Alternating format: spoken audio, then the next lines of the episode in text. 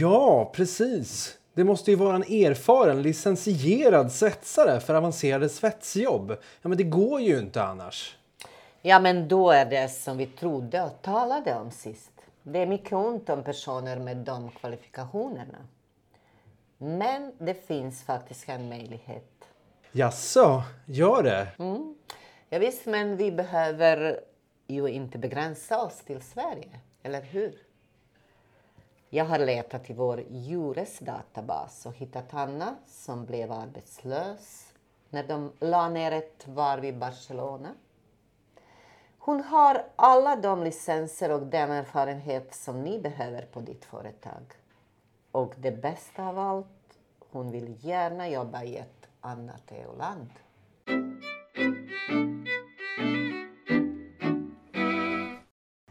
Ja, i tider när det är svårt att hitta arbetskraft så måste arbetsgivare pröva nya vägar. Och en sån väg kan vara att leta nya medarbetare i ett annat EU-land. Om detta ska Matchningspodden handla idag. Välkommen!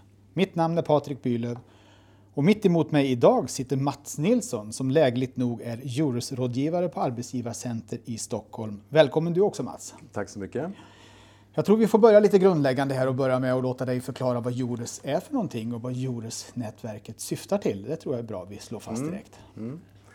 Mm. Eh, Jures är ett nätverk av eh, specialister på europeisk arbetsmarknad. Mm. Det är så att eh, eh arbets, de offentliga arbetsförmedlingarna inom EU och fyra länder till är medlemmar i det här samarbetet. Och det handlar om att syftet är att eh, jobba med de här olika klyftorna som finns på arbetsmarknaden i Europa.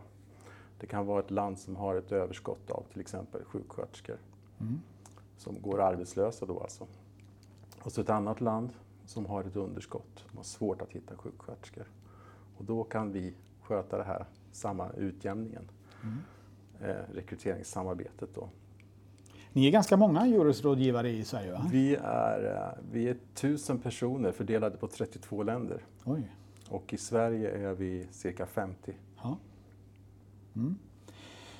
Och du som Eurosrådgivare är då lite av en specialist kan man säga på just den här typen av matchningsarbete. Och du erbjuder olika tjänster till arbetsgivare och arbetssökande. Vad är det för tjänster du kan erbjuda? Ja, det är ju lite olika för att Eh, om man ser till eh, läget, Juris i Sverige just nu är ganska fokuserade på brist, bristyrkesinrekrytering till Sverige. Men precis som du säger så har vi ju målgruppen också arbetssökande.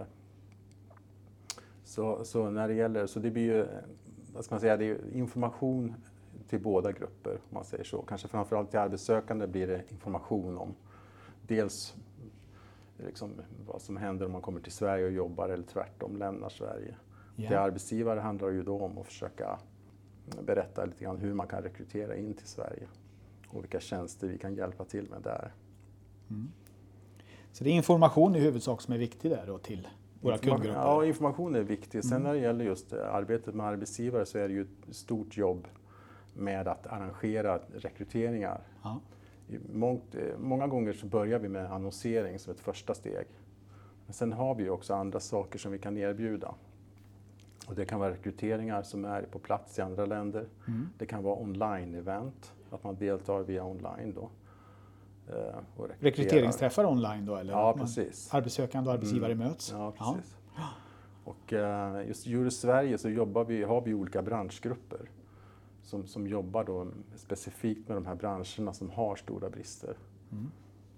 Och, eh, och då, då i de här grupperna, så man kan säga att man har olika projekt med olika länder. Vårt jobb är ju att se lite grann vilka länder kan vi samarbeta med inom Europa. Mm. Och, eh, och se vilket, vilket utbyte kan vi ha då. då.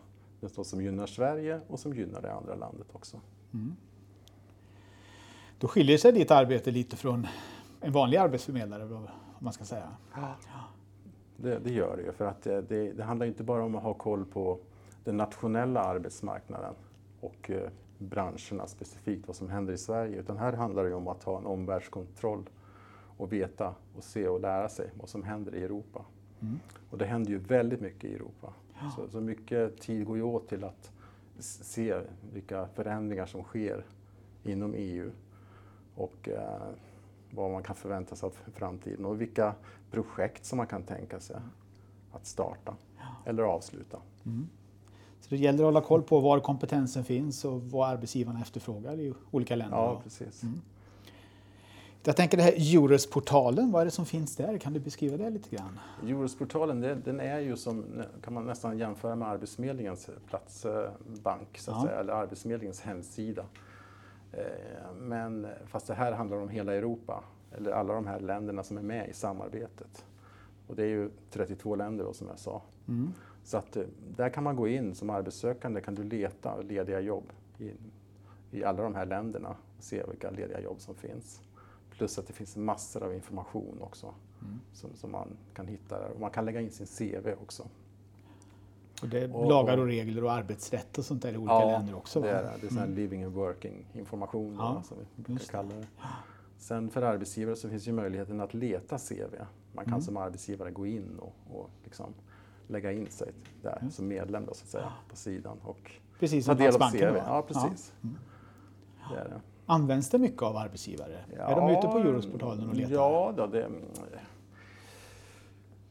det är ganska mycket. Det är ju över en miljon annonser brukar ligga där på, Mm. den, på den sidan. Så det är ganska många som, det är många som annonserar på, på Eurosportalen. Mm. Och det är kanske inte lika många som går in och letar CV, men det finns en del som gör det Mm. också. Och det försöker vi liksom informera om, att den möjligheten finns. Hjälper ni and, äh, arbetsgivare på andra sätt också än att de skapar konton och sköter det själva? Eller kan de få annan hjälp, arbetsgivarna, med att hitta arbetskraft? Ja, alltså, som jag sa då, när man gör de här projekten, till exempel när man startar ett rekryteringsprojekt med ett land så, så brukar det kanske vara att man, annonsering är vanligt att man börjar med, men det är också ett, ett, eh, ett förarbete som handlar om att se eh, liksom, hur mycket kan du liksom, lova arbetsgivaren? Liksom, Ja. Finns den här finns arbetskraften som du, som du vill ha, så att säga. Va? Och där måste man ju kolla då med, med, eh, liksom, med samarbetslandet. Finns det här? Vill ni anställa de här personerna? Passar de här profilerna? Det är ganska mycket förarbete för att kunna liksom, få igenom ett bra och lyckat projekt. För risken är ju annars att arbetsgivare till exempel följer med till ett land på en rekryteringsevent och inte hittar det de behöver. Så vi gör ju så ibland att vi har eh, till exempel, gör ett urval så man då kan få träffa kanske tio personer i Spanien till exempel. Så tillsammans med Eurosrådgivare i Spanien gör man ett urval. De här kandidaterna passar. Man kollar med arbetsgivaren. Är det här profiler som passar? Ja, det är det. Och sen så åker de ner och träffar de här. Så det är sådana skräddarsydda rekryteringar som vi också gör. Ja. Jag vet att det finns något som kallas för ditt första Eurosjobb. Vad är det för någonting? Det är ett mobilitetsprojekt som det så fint Ja, låter, som det heter. Eh, Det är, eh, I praktiken så är det att man kan, som arbetssökande, om du hittar ett jobb i ett annat eh, EU-land, då, så, så, så kan du dels få bidrag för intervjuresa, så att du kan åka och bli Ja. intervjuad av arbetsgivaren. Men du kan också få ett startbidrag om du börjar arbeta där. en liten kassa att ta med sig när man Ja, flyttar. precis. Eller? Ja. Ett relocation Ja. package som det kallas för. Då, ett start, en summa pengar då som du får för att du börjar på den här tjänsten. Mm. Att du flyttar på dig till ett annat EU-land. Vilken målgrupp riktar sig det mot? Det är 18 till 35 år som Mm. det riktar sig till. Ja. Och sen så är det några krav som, som man ska uppfylla då för att kunna ansöka om det här Ja. bidraget. Men det står jättebra på vår hemsida om Ja. man vill läsa mer där om just det. Jag vet att det finns projekt också som riktar sig till de som är över 35. Mm, Reactivate kallas det för. Och det är i princip samma sak. Fast eh, målgruppen är äldre då, 36 till uppåt. Jag tror inte det är någon övre gräns faktiskt. Nej.